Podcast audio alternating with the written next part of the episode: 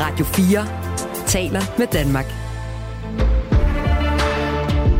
Velkommen til Verden kalder Perspektiv. Tyrkiets leder kan for første gang i 20 år tabe magten, når tyrkerne i denne uge går til valg. For selvom Erdogan har overlevet et folkeligt oprør og et kupforsøg, så er Tyrkiets præsident kommet under pres. En årlang økonomisk krise, et ødelæggende jordskælv, der kostede tusindvis af menneskeliv, har givet oppositionen vind i sejlene. Og det på trods af, at Erdogans udfordrer er en 74-årig tidligere embedsmand i skattevæsenet, der på sit CV praler med at have været udnævnt til årets embedsmand. Derfor spørger jeg i dag, kan Erdogan tabe magten i Tyrkiet? Jeg hedder Stine Krohmann Dragsted. Velkommen til Verden kalder perspektiv, hvor jeg altså stiller et spørgsmål, der giver dig perspektiv på verden omkring os, og på 30 minutter får du et svar. Du lytter til Radio 4. Den tyrkiske præsident står altså over for sin største prøvelse her ved Tyrkiets parlaments- og præsidentvalg om et par dage. Så lad os starte hos dem, der skal afgøre, om Erdogan skal blive ved magten eller ej, nemlig vælgerne, og hvad de håber, at valget kommer til at betyde. Derfor kan jeg nu byde velkommen til dig, Birk Kotkas. Velkommen til Verden kalder. Tusind tak. Birk, øh, du er ikke tyrkisk vælger, men du har til gengæld talt med en masse af dem. Du er freelance journalist, og du befinder dig lige nu i, i Istanbul. Lad os lige høre, Birk, fra et par af de vælgere, som du talte med tidligere på dagen. Her er den første vælger, Safar, som på søndag går ned og stemmer på den siddende præsident Recep Tayyip Erdogan. Since 20 years, he worked very hard. He kept all his promise. What, for example? For example, he said, I will do a lot of the railway, we will do a lot of the uh, highway, or there is a lot of new hospital. Sometimes the country need the strong the leaders. To, that's why, to bring you somewhere. So that's why I support Erdogan. Ja, han støtter Erdogan. Nogle gange har et land brug for en stærk leder, siger han. Øh, Erdogan har været ved magten i 20 år, og øh, der har han arbejdet hårdt for Tyrkiet og gjort en masse gode ting, mener Safa. Altså, han har holdt sine, sine løfter, blandt andet udviklet infrastruktur op, som veje og jernbaner. Birk, det er jo sådan cirka 50-50 i befolkningen, om man helst vil have, at Erdogan fortsætter som præsident, eller om man som tyrkisk vælger foretrækker modkandidaten Kemal Kılıçdaroğlu. Hvad siger de Erdogan-vælgere generelt, som du har talt med? Altså, hvorfor vil de gerne have, at han fortsætter? Ligesom vi hørte i det klip, øh, du spillede lige før, så peger rigtig mange af dem på de infrastrukturprojekter, der er foretaget. Den tyrkiske økonomi udvikler sig også enormt hurtigt, især i de første 10-11 år, hvor Erdogan havde magten. Der blev øh, gennemsnitsindkomsten firedoblet i Tyrkiet, og det er nogle af de her øh, tal og tendenser, som tyrkerne peger på. Så selvom det i det seneste år øh, er gået dårligere med økonomien, blandt andet øh, med skyhøj inflation, så kigger man på de tidligere Erdogan-år og sammenligner med det, der var før i 90'erne, hvor der var en masse skiftende regeringer og en masse kaos i tyrkisk politik. Okay, lad os lige høre fra en af dem, der stemmer på Erdogans modkandidat, altså oppositionslederen Kemal Kılıçdaroğlu. Det her, det er Latif, han er 58 år. Because uh, we need to change, we need a new face, you know, because they are on top of 20 years, so we have to change. 20 is too much for any country, for it doesn't matter if for Turkey or for other countries, 20 years is too much. Yeah, more than 10 years is much, you know, even if do better things, still it's not important, you know what I mean? Det er en anden måde at se det på. Altså det her med Erdogan, så han har været ved magten så længe, altså 20 år simpelthen for meget, mener Latif, som, som mener, at det er på høje tid, at der kommer nye kræfter til Birk. Er det derfor, at en stor del af de tyrkiske vælgere har tænkt sig at stemme på Kılıçdaroğlu, altså fordi de mener, at Erdogan simpelthen har siddet for længe? Det er helt klart en af grundene, især blandt øh, nogle af de yngre vælgere, jeg taler med, som stort set ikke har øh, erindring om andre ledere end, øh, end Erdogan. Så der har man ligesom øh, ventet længe nok, føler rigtig mange, og nu er der faktisk et reelt alternativ med en opposition, der har formået at slå sig nogenlunde øh, sammen. Men jeg tror også, at en meget, meget stor del, det er økonomi og øh, den her inflation, der har været, samtidig med, at Erdogan også bliver kritiseret for øh, håndteringen af de syriske migranter. Så øh, der er en hel masse ting, der spiller ind, men det, at han har haft magten i så mange år, er et af dem. Godt, lad mig lige byde velkommen til en til stemme her i programmet. Det er dig, Mathias Findalen. Du er forfatter, du er Tyrkiet-ekspert. Velkommen tilbage til Verden kalder. Tak skal du have. Mathias, nu hører vi fra nogle af vælgerne her, som Birk har talt med. Øhm, og så er spørgsmålet jo også, hvor frit og fair det valg, de her vælgere deltager i, i, i Erdogans Tyrkiet, altså hvor frit og fair det overhovedet er. For eksempel så blev en af oppositionens kampagnebusser jo smadret af, af stenkast forleden, øh, da Istanbul borgmester, som altså står til at blive vicepræsident, hvis oppositionen vinder, da han holdt tale i et, et konservativt område i Tyrkiet. Og der var ni øh, mennesker, der blev såret under de her uroligheder, og han måtte øh, hurtigt afsted blive kørt i sikkerhed. Mathias, er der frit og fair play her op til det tyrkiske valg? Altså man siger generelt om, om de tyrkiske valg, at de er frie, øh, men der er ikke færre omstændigheder. Og der er mange grunde til det. Altså, øh, en af grundene er, at man kører ikke klassiske sådan, valg, valgdebatter mellem politikere, og 94 procent øh, af øh, medierne er, stat, altså er statsejet knyttet til Erdogan, og derfor så er det rigtig svært at være en opposition i en, valg, øh, i en valgkampagne i Tyrkiet. Derudover har man set masser af eksempler på, at man har gjort det sværere for oppositionen at komme til stemmesteder osv. Men hvis man kigger på selve valget, så er der ikke øh, erfaringer med, at der bliver snydt under valget, og i øvrigt, at den tyrkiske civile befolkning går de meget op i de her valg. Der er ekstremt mange frivillige valgobservatører, der dukker op til valgstederne og sørger for, at alt øh, er, er, er færre, og det har især at gøre med, at Tyrkiet har en, en lang fortid med øh, militæret, der gik ind og fjernede regeringer med en dyb stat, som kunne komme ind og fjerne de politiske partier, som var ved magten, og derfor så går den civile befolkning meget op i, at selve valghandlingen, det du går op og putter din stemme ned i en boks, at det skal simpelthen være, øh, være rent. Mm. Øh, Mathias, i det her program, der spørger jeg, kan Erdogan tabe i Tyrkiet? Og det vil jeg gerne have din konklusion på om lidt. Men jeg vil lige gerne slå fast, om du synes, præmissen for det spørgsmål holder. Altså, Erdogan og hans parti, AKP, har vundet valget i Tyrkiet i 2002 og 7 og 11 og 14 og 15 og 18. Hvorfor er det ikke selvskrevet, at Erdogan vinder den her gang? Det er det ikke, fordi for første gang er der faktisk en opposition, som har vist at køre en rigtig lovende valgkampagne, og på øh, altså bemærkelsesværdig vis øh, har formået at skabe en fælles fortælling med en ret stærk leder i front om, at nu er det tid til at bygge et nyt samfund op, et nyt demokratisk samfund, som kan så være med til at gøre, vores økonomi kommer på, på, på fod igen. Og det har at gøre med, at selvfølgelig den økonomiske situation er katastrofal. Tyrkiet har været det i seks år. Så de har ligesom kunne bygge en fortælling op, som har været nogenlunde kontinuerlig og sam, sammenhængende, og det har oppositionen overhovedet ikke formået ved de andre valg. Og der har de også haft svære, fordi Erdogan generelt har haft så mange succesfortællinger, og det skal op på bordet op til valgene, og det har været svært at komme med modfortællinger.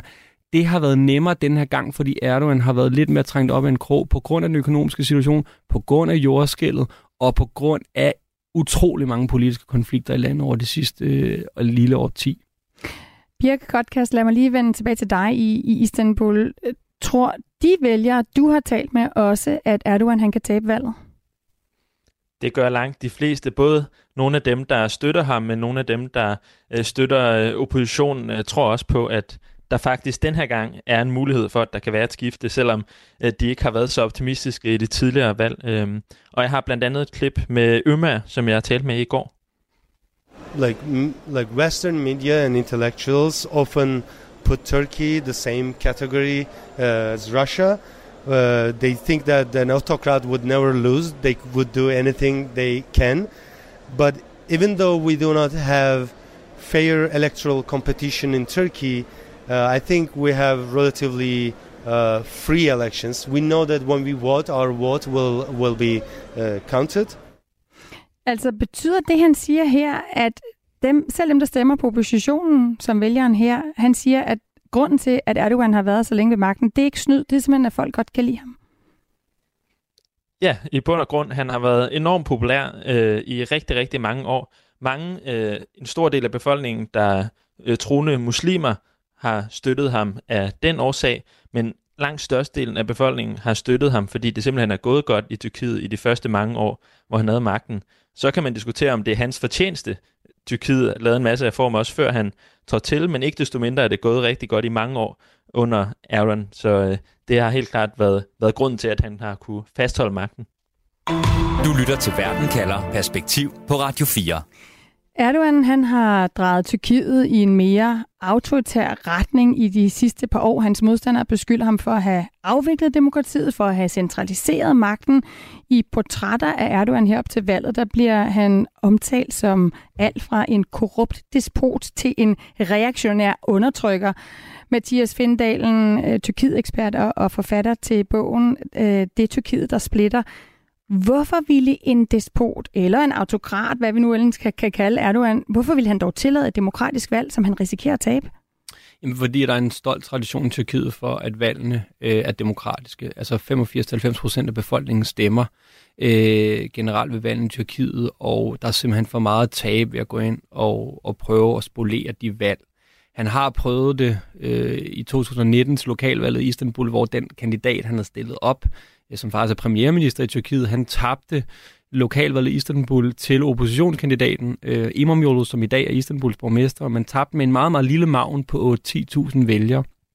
Og så valgte man at kalde til omvalg, fordi man mente, at der ikke havde været de rette stempler på nogle af valgsedlerne. Og i stedet for at tabe med kun 10.000 øh, stemmer, så tabte man med 800.000 stemmer. Og det var også Erdogan-vælgere, der, der stemte øh, imod det, fordi de sagde, ikke her og længere. Altså generelt har Erdogan selv brugt det som en succesfortælling, når EU har kritiseret ham for menneskerettighedskrænkelser, og Vesten har været efter en sådan sagt, I skal blande jer udenom, fordi hos, i Tyrkiet, der er vi, vi er et demokratisk land, og stemmeurene øh, definerer magten, og jeg har altid vundet de her stemmer meget overlegnet. Da han så selv gik ind og prøvede at øh, miskreditere valget i 2019, så fik han en over lampen. Og den, øh, den historie, den vil sidde i hans erindring her øh, i forbindelse med, med valget på søndag. Øh, og, og, og det er der, vi, vi stadig lige nu analyserer på, hvad er det så, der stadig kommer til at ske, fordi han vil selvfølgelig, hvis han, han, han ser ud til at tabe på søndag, så vil han jo finde noget op af værktøjskassen, og, og det ved vi stadig ikke nu, hvad, hvad bliver, men han kommer til at respektere valget, i hvert fald sådan strukturen omkring det. Og så er det jo, at der har været bekymring, fordi at Erdogan har været ude, blandt andet i en tale for nylig, og erklærer, at den tyrkiske nation ikke vil tillade valget af en præsident, der bliver støttet af den kurdiske separatistbevægelse. Øh, det bliver fremhævet som et eksempel på, at Erdogan simpelthen tror med at kunne annullere en eventuel valgsejr til sin, real, til sin rival, altså ved, ved at henvise til separatistbevægelsen PKK og ligesom slå opposition i hardcore med dem. Øhm, hans indrigsminister, Erdogans indrigsminister, har også mm. været ude og advare i valgkampen om, at valget er blevet udsat for, citat, et kupforsøg fra Vesten. Hvad mener indrigsministeren med det, Mathias? Jamen, det er jo helt klart et forsøg på at miskreditere et, en, et muligt nederlag i valget, og det, der taler man ind til en generelt, som jeg også nævnte tidligere, en erindring om, at, at Tyrkiet er et land, som har kun 100 år øh, øh, altså bag sig, og generelt altid har følt sig troet af øh, Øh, imperialistiske magter, der skulle prøve at underkue den nationale identitet, og i øvrigt også at føle sig troet af den kurdiske identitet og ideen om en kurdisk nation i Tyrkiet. Og derfor så øh, er der i hvert fald en mulighed for at prøve at miskreditere oppositionen, og at oppositionen har en tæt øh, forbindelse til kurdiske organisationer, øh, og dermed så hele tiden og, og ligesom balancere mellem, øh, om, om hvis, valg, hvis valget er meget, meget tæt, at man på en eller anden måde kan skubbe stemmerne over mod, mod øh, Erdogan og AKP her i det sidste ved at sige, at husk nu, at oppositionen og at den magt, de prøver at påkræve sig lige nu, den er domineret og styret af, af, af hvad skal man sige, imperialister, fremmede magter, som prøver at underminere den tyrkiske stat. Birk Kotkas, du er stadig med. Du er freelancejournalist og lige nu øh, med fra Istanbul i Tyrkiet. Vi skal lige prøve at høre et klip øh, fra en tyrkisk vælger, du har talt med. Øm er på 31 år, som stemmer på oppositionen, altså stemmer imod Erdogan. Du har spurgt ham, om han kan se Erdogan acceptere et valgnederlag. Uh, I'm 31 years old, so when he came to power, I was only 11 years old, right? So I barely remember the, the previous government. Like the government before him. So that's why it's kind of like as a, it's hard to imagine that Erdogan is gonna step down, and he's gonna get on his party, like uh, a car owned by his party, and then he's gonna leave the the presidential palace in peace.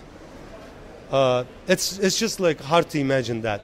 Ja, altså øh, Ømer fortæller her, han, han har simpelthen svært ved, altså han har, Erdogan har været ved magten nærmest hele hans liv, og han har svært ved at forestille sig, at den her magtfulde præsident simpelthen bare skal sige, nå okay, jeg tabte, og så kører han stille og roligt hjem, Birk.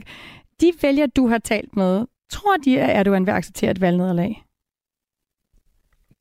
Det mange er bekymret for, det er, at det kan blive et meget, meget tæt valg, og hvis det er inden for øh, få tusind stemmers margin, så kan der ske en masse uforudsigeligheder, og så er der ikke nogen, der ved, øh, hvordan situationen ser ud. Men hvis det bliver et klart resultat, og hvis oppositionen for eksempel øh, skulle øh, få 55 procent af stemmerne, så tror de fleste, blandt andet Ømer også, at øh, han ville trække sig i sidste ende.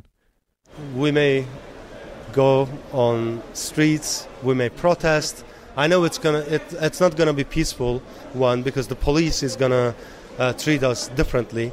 But still, Erdogan, I, I don't think Erdogan can take uh, that risk. So I think he will step down if, say, Kemal Kılıçdaroğlu, the opposition leader, has like 52% of the votes, either in the first round or in the second round, I think Erdogan will accept that result and he will not uh, resist. Mathias Vindalen, Ømager her, han, han har altså stor tiltro til, at hvis oppositionen vinder klart, jamen så vil øh, Erdogan blive nødt til at, at træde tilbage, og så vil der komme et magtskifte. Hvor stærk er traditionen for at afholde demokratiske valg uden snyd i, i Tyrkiet? Altså, hvor meget har Ømer og læne sig opad her?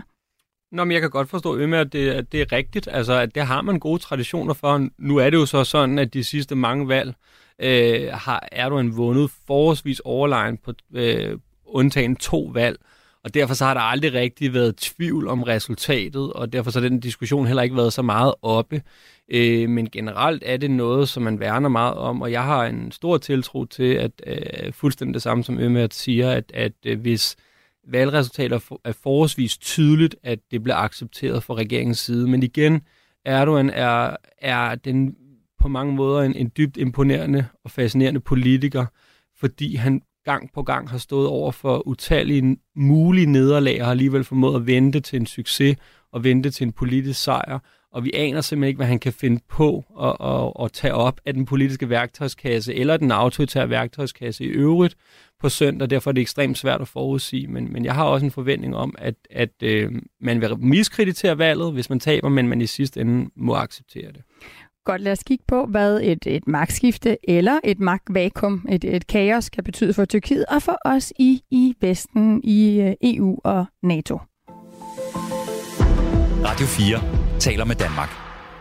For manden, der forsøger at vippe Erdogan af pinden, han hedder Kemal Kılıçdaroğlu, og han har altså tidligere arbejdet i det tyrkiske skattevæsen. På hans CV, der kan man altså læse, at han har modtaget titlen som årets byråkrat, ifølge den amerikanske radio NPR. Og så har han tabt samtlige valg, han har stillet op til, mens han har været leder altså for hans parti CHP. Han lyder ikke som en oplagt vinder. Han lyder nærmere som en sikker taber, Mathias. Hvorfor skulle han kunne gå hen og slå Erdogan?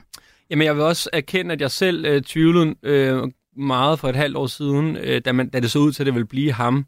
Øh, han har tabt otte valg til Erdogan, tror jeg, i alt, han, og han har på ingen måde markeret sig særligt tydelig som oppositionspolitiker, men der er sket noget i den her valgkampagne, som, hvor han virkelig har formået at, at etablere sig og være tydelig. måske startede det allerede faktisk efter kupforsøget i 2017, hvor han holdt en retfærdighedsmarsch, hvor han simpelthen gik, det er i øvrigt også derfor, han har fået tilnavnet øh, Tyrkiets Gandhi, men hvor han gik fra Ankara til, til Istanbul med tusindvis af tilhængere, for at markere, altså kalde det retfærdighedsmarschen, for at markere det, øh, de store demokratiske problemer, der var i Tyrkiet, hvor at Erdogan øh, gennemførte en ekstremt stor heksejagt, klapjagt på øh, oppositionen efter øh, kupforsøget i 2016.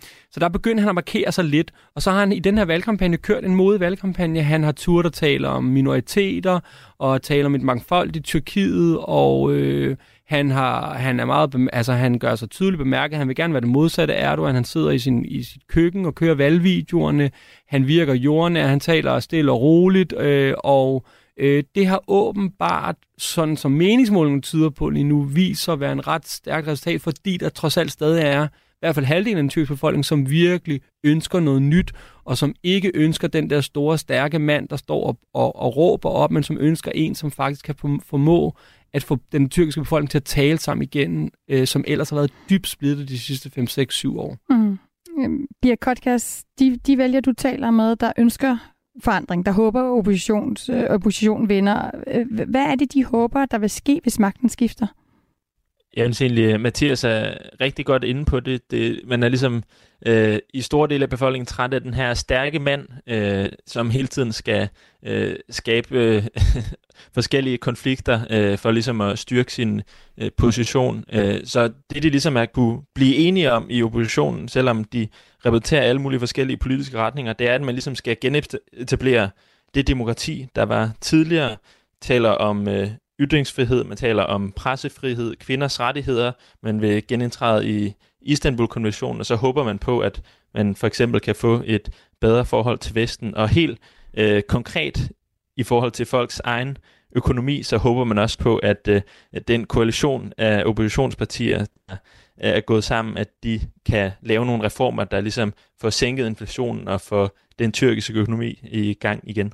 Bare lige for at supplere, det er, jo, det er jo lige præcis det, der er essensen af sådan af oppositionens forandringsteori, det er jo øh, historien om, at hvis vi genetablerer et styrket og et stærket demokrati, så kommer jeres økonomi også til at blive bedre, fordi investeringerne vil, vil komme tilbage i Tyrkiet, de bæredygtige, holdbare investeringer, og så vil I få penge i jeres pengepunkt igen, så I kan købe basal fødevare, og inflationen vil falde markant, sådan så at det ikke bliver dyrt at være tyrkisk øh, borger igen. Og det er også de undersøgelser, der kommer ud fra Tyrkiet, de viser, at den økonomiske situation er den altafgørende lige nu. Den fylder ekstremt meget, og det gør den, fordi den har simpelthen voldet den tyrkiske befolkning store problemer i seks år nu. Så det her med at, at slå sig op på som opposition og kæmpe for demokrati, det hænger det er helt tæt sammen med at kæmpe for en bedre økonomisk udvikling. Lad os lige høre et klip fra en af de vælgere, Birk, du har talt med. Latif, øh, som netop taler om det her med vigtigheden af, at oppositionskandidaten er demokrat. Best thing about we think about he's a democrat. That's very important. We think about we want he can change you know. He's the one of the most of the honest and uh, all leader. He's honest and he can do uh, his best. We, we trust him. You know. Most most important thing I want change, country change. You know, country be change. We don't want to be close country, open mind country. You know. Ja, altså Erdogans rivalen her, uh, Kemal Kılıçdaroğlu, han er demokratisk, lyder det her for Latif. Han vil åbne Tyrkiet op øh, for omverdenen. Vi stoler på ham. Og så noget af det, der er det vigtigste for ham som vælger, nemlig Tyrkiets skræntende økonomi. Hard to live right now, you know, because inflation, big inflation. You cannot rent a house, you cannot buy a house, you cannot do all these things, you know. Now it's get very difficult to live in uh, here, you know. Most important thing, inflation. If there's no inflation is not down, you can do nothing. If the salary get thousand uh, or uh, ten thousand lira, twenty thousand lira, it's not make any difference. You know what I mean?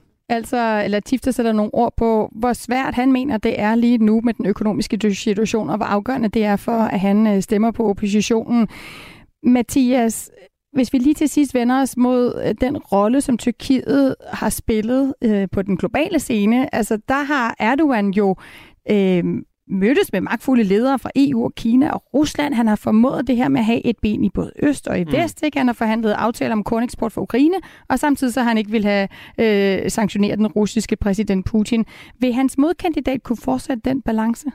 Ja, det vil han blive nødt til, fordi det er faktisk en ret succesfuld balance, og, og jeg tror at stadig, at rigtig mange tyrkiske borgere mener, at Erdogan fører en ret ret solid udenrigspolitik, øh, så han vil holde fast i flere af de ting, men han vil, Kilosterolo vil repræsentere en mere pro-vestlig tilgang og vil øh, søge internationale samarbejder, som, som peger mod Vesten, og højst sandsynligt også USA mere, end man ser lige nu, hvor Biden meget har kørt Erdogan ud i et sidespor.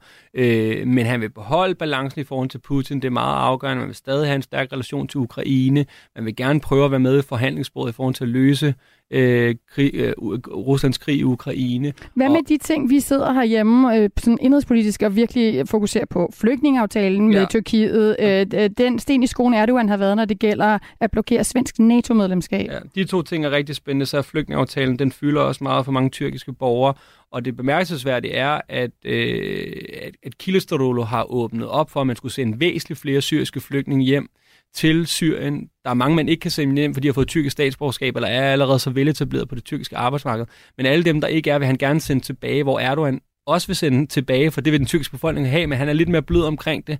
Han bruger, Erdogan bruger det meget i, i sin politik at være, at, at være sådan barmhjertig over for de syriske flygtninge. Der har Kılıçdaroğlu øh, været lidt mere hardliner på det, og mm. det er oppositionen generelt, og det er lidt interessant i forhold til øh, EU og hele den flygtningeaftale, der er mellem EU og Tyrkiet. Og jeg tror, der er mange, der sidder i, er europæiske ledere og er bekymret for, hvad, hvad, hvilken morgen de vågner op til, hvis Erdogan mister magten, fordi man har den flygtningeaftale med Erdogan. Og så bare lige hurtigt til sidste. Sveriges medlemskab kommer til at ske. Det kommer til at ske med Kilistaroğlu, det kommer til at ske med Erdogan. De skal bare over vandet. Du lytter til Radio 4. Der fik du lige en jingle øh, med, fordi vi skal lige nå at have svar på det spørgsmål, jeg stiller i programmet. Kan Erdogan tabe magten i Tyrkiet, Mathias Findalen?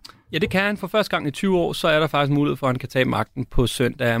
Nok måske ikke på søndag, men, men om to uger, hvor der vil være det sidste valg mellem de to kandidater. Så det er muligt, men man skal ikke undervurdere Erdogan. Der er mange, der vil stå i stemmeboksen øh, på søndag, og måske ikke tro, de vil stemme på Erdogan, og så alligevel komme til at stemme på ham, fordi de er bange for at vågne op øh, til en morgendag uden Erdogan.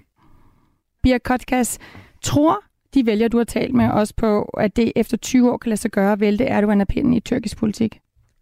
Det gør langt de fleste, og det har de også gjort i de seneste måneder op til. Øh, der har været en fornemmelse af, at det her er ligesom chancen for, at øh, Erdogan kan blive væltet. Hvis ikke han bliver det, så kan det gå meget, meget lang tid, før de får en øh, chance mere.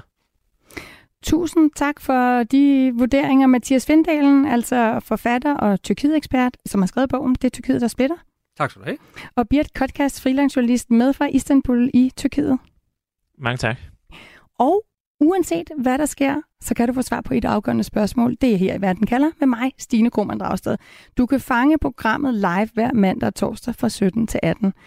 Og så kan du altid finde alle Verden kalder programmerne som podcast. Det kan du gøre ved at finde vores podcast og følge den. Du må meget gerne også skrive, hvilke spørgsmål om verden du vil have svar på. Det kan du gøre i den app, du bruger. For eksempel lige i Radio 4's egen app. Du har lyttet til en podcast fra Radio 4. Flere episoder i vores app, eller der, hvor du lytter til podcast. Radio 4 taler med Danmark.